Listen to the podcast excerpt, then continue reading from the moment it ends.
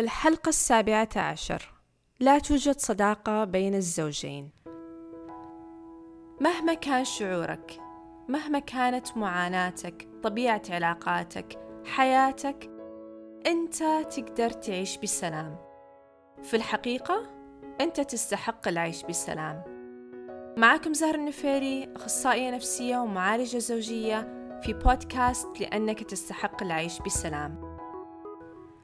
أهلا وسهلا جميعا فيكم أعزائي المستمعين. موضوع اليوم هو عن الصداقة بين الزوجين.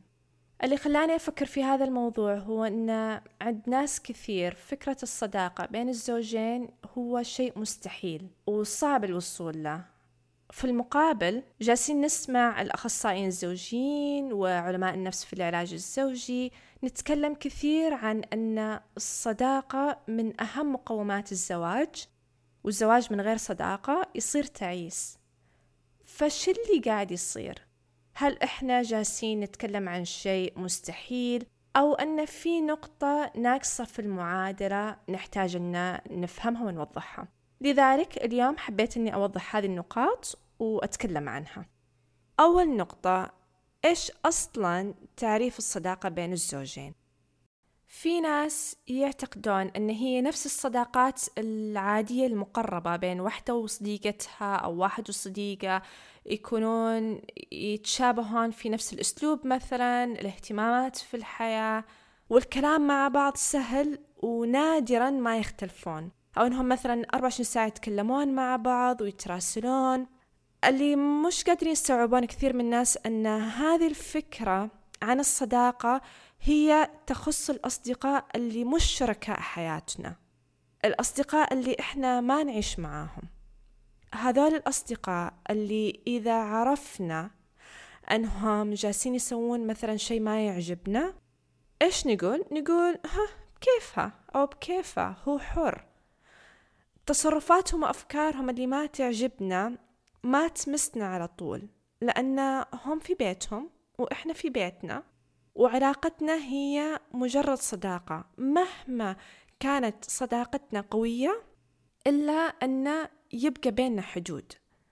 نعرف أن عواطفنا ومشاعرنا ما نعطيها بالكامل لهذا الصديق لأن في الأخير إحنا أصدقاء مش متزوجين. في الزواج في المقابل الموضوع معقد أكثر. لأنه يتضمن مشاركة العواطف والمشاعر بشكل كامل.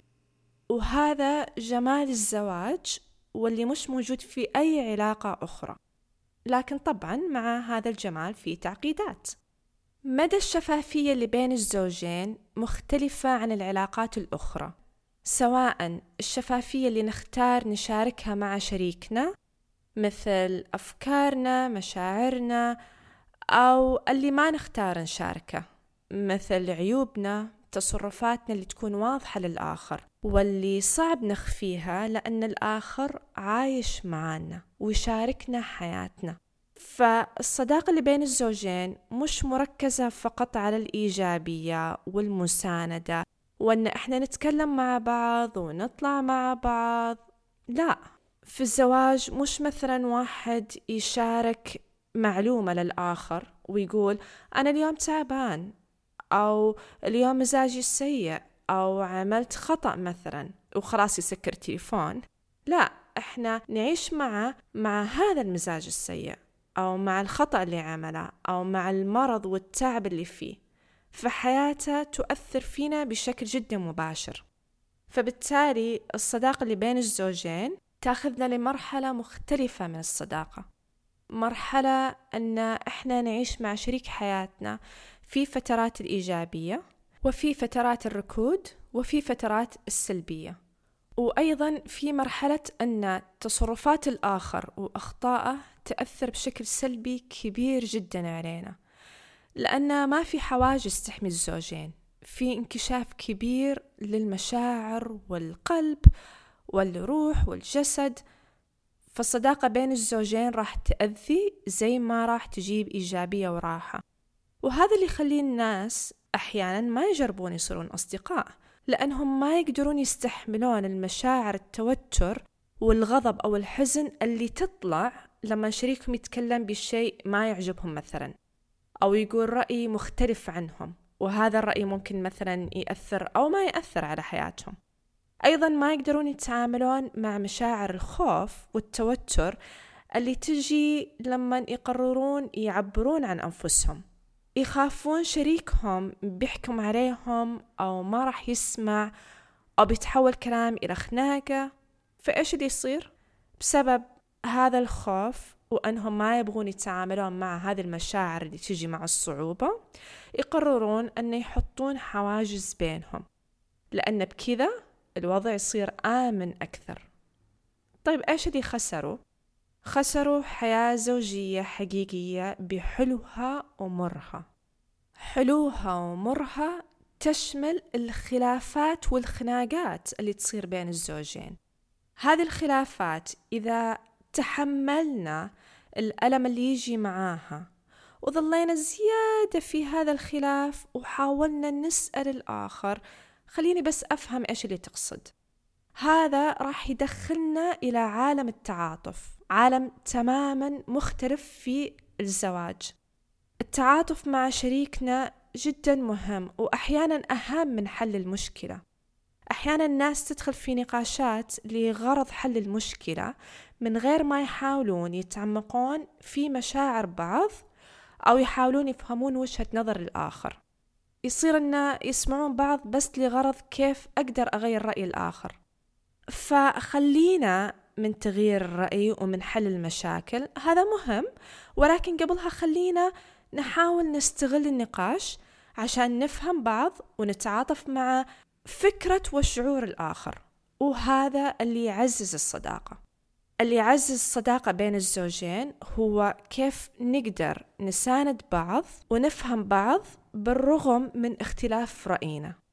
طبعا لما نحس بالأمان بهذه الطريقة أكيد راح نحس أن نقدر نشارك بعض أكثر عن أحلامنا آلامنا ماضينا حاضرنا من غير ما نخاف من حكم الآخر أو هجوم الآخر. في نفس الوقت خلينا نتذكر أن لا ننتظر نحس بالأمان عشان نتكلم ونشارك مشاعرنا وعالمنا. أحيانا هذه المشاركة والاستمرارية فيها راح تزيد من شعور الأمان والفهم بين الزوجين. أحيانا طبعا قبل هذا الكلام والمشاركة كويس أن نوضح للآخر كيف نبغاه يسمع لنا ويساندنا. وهذا راح يخلينا إحنا نكون مبادرين في تعزيز الفهم لبعض. يعني لا ننتظر أن الآخر هو اللي يسألنا كيف تبغاني أني أساندك؟ لا لا خلينا إحنا نكون مبادرين لذلك أيضا. إحنا اللي نقول للآخر كيف أبغاك تساندني أو كيف أبغاك تسمع لي لأن في الأخير الهدف هو تعزيز الصداقة بينكم والمكابرة بالتأكيد ما راح توصلكم لهذا الشيء. طبعا في أزواج تكون الصداقة الزوجية عندهم تجي بشكل جدا سهل وفي ناس لا. لكن الأكيد أن التشابه اللي بين الزوجين لا يحدد هل راح يكون بينهم صداقة ولا لا. في زواجات ما في بينهم أي تشابه في اهتماماتهم وأسلوب تفكيرهم ولكن صداقتهم ممتازة لأنهم يسمعون لبعض يحاولون يفهمون عالم بعض ويتعاطفون مع بعض ويحاولون أن ممكن يجربون أشياء جديدة لبعض. لكن من غير ما يحاولون يدخلون في صراع لمحاولة تغيير الآخر وجعل الآخر زيهم. طبعا أيوة أحيانا مهم أن نحاول نأثر على الآخر. آه إذا الآخر مثلا ما كان يتعامل بطريقة كويسة أن نتكلم عن حدودنا وإيش مهم بالنسبة لنا. ومع هذه العملية نحاول نفهم ونسأل الآخر إيش اللي قاعد يصير معاك. أن مثلا أنا أعرف أن مو هذه المعاملة اللي من قيمك فإيش اللي قاعد يصير معاك اللي يخليك تتعامل معي بهالطريقة هذه؟ إذا الآخر بدأ يلوم ويقول أو تقول أن أنت أو أنت اللي حديتيني على هذه المعاملة فأوكي فهمني كيف أنا حديتك. إذا في شيء من خطأي فطبعا مهم ناخذ مسؤولية تصرفاتنا.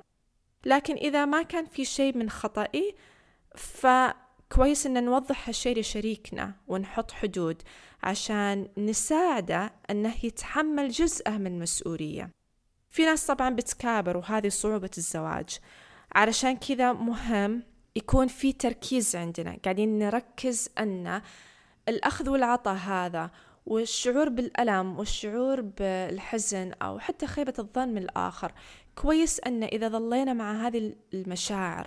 وظلينا نتكلم مع الشخص الآخر ونحاول أن نفهم الشخص الآخر ونحاول أن نبين له ونوضح له وجهة نظرنا إحنا. كويس إذا ظلينا في هذه الحوار كله.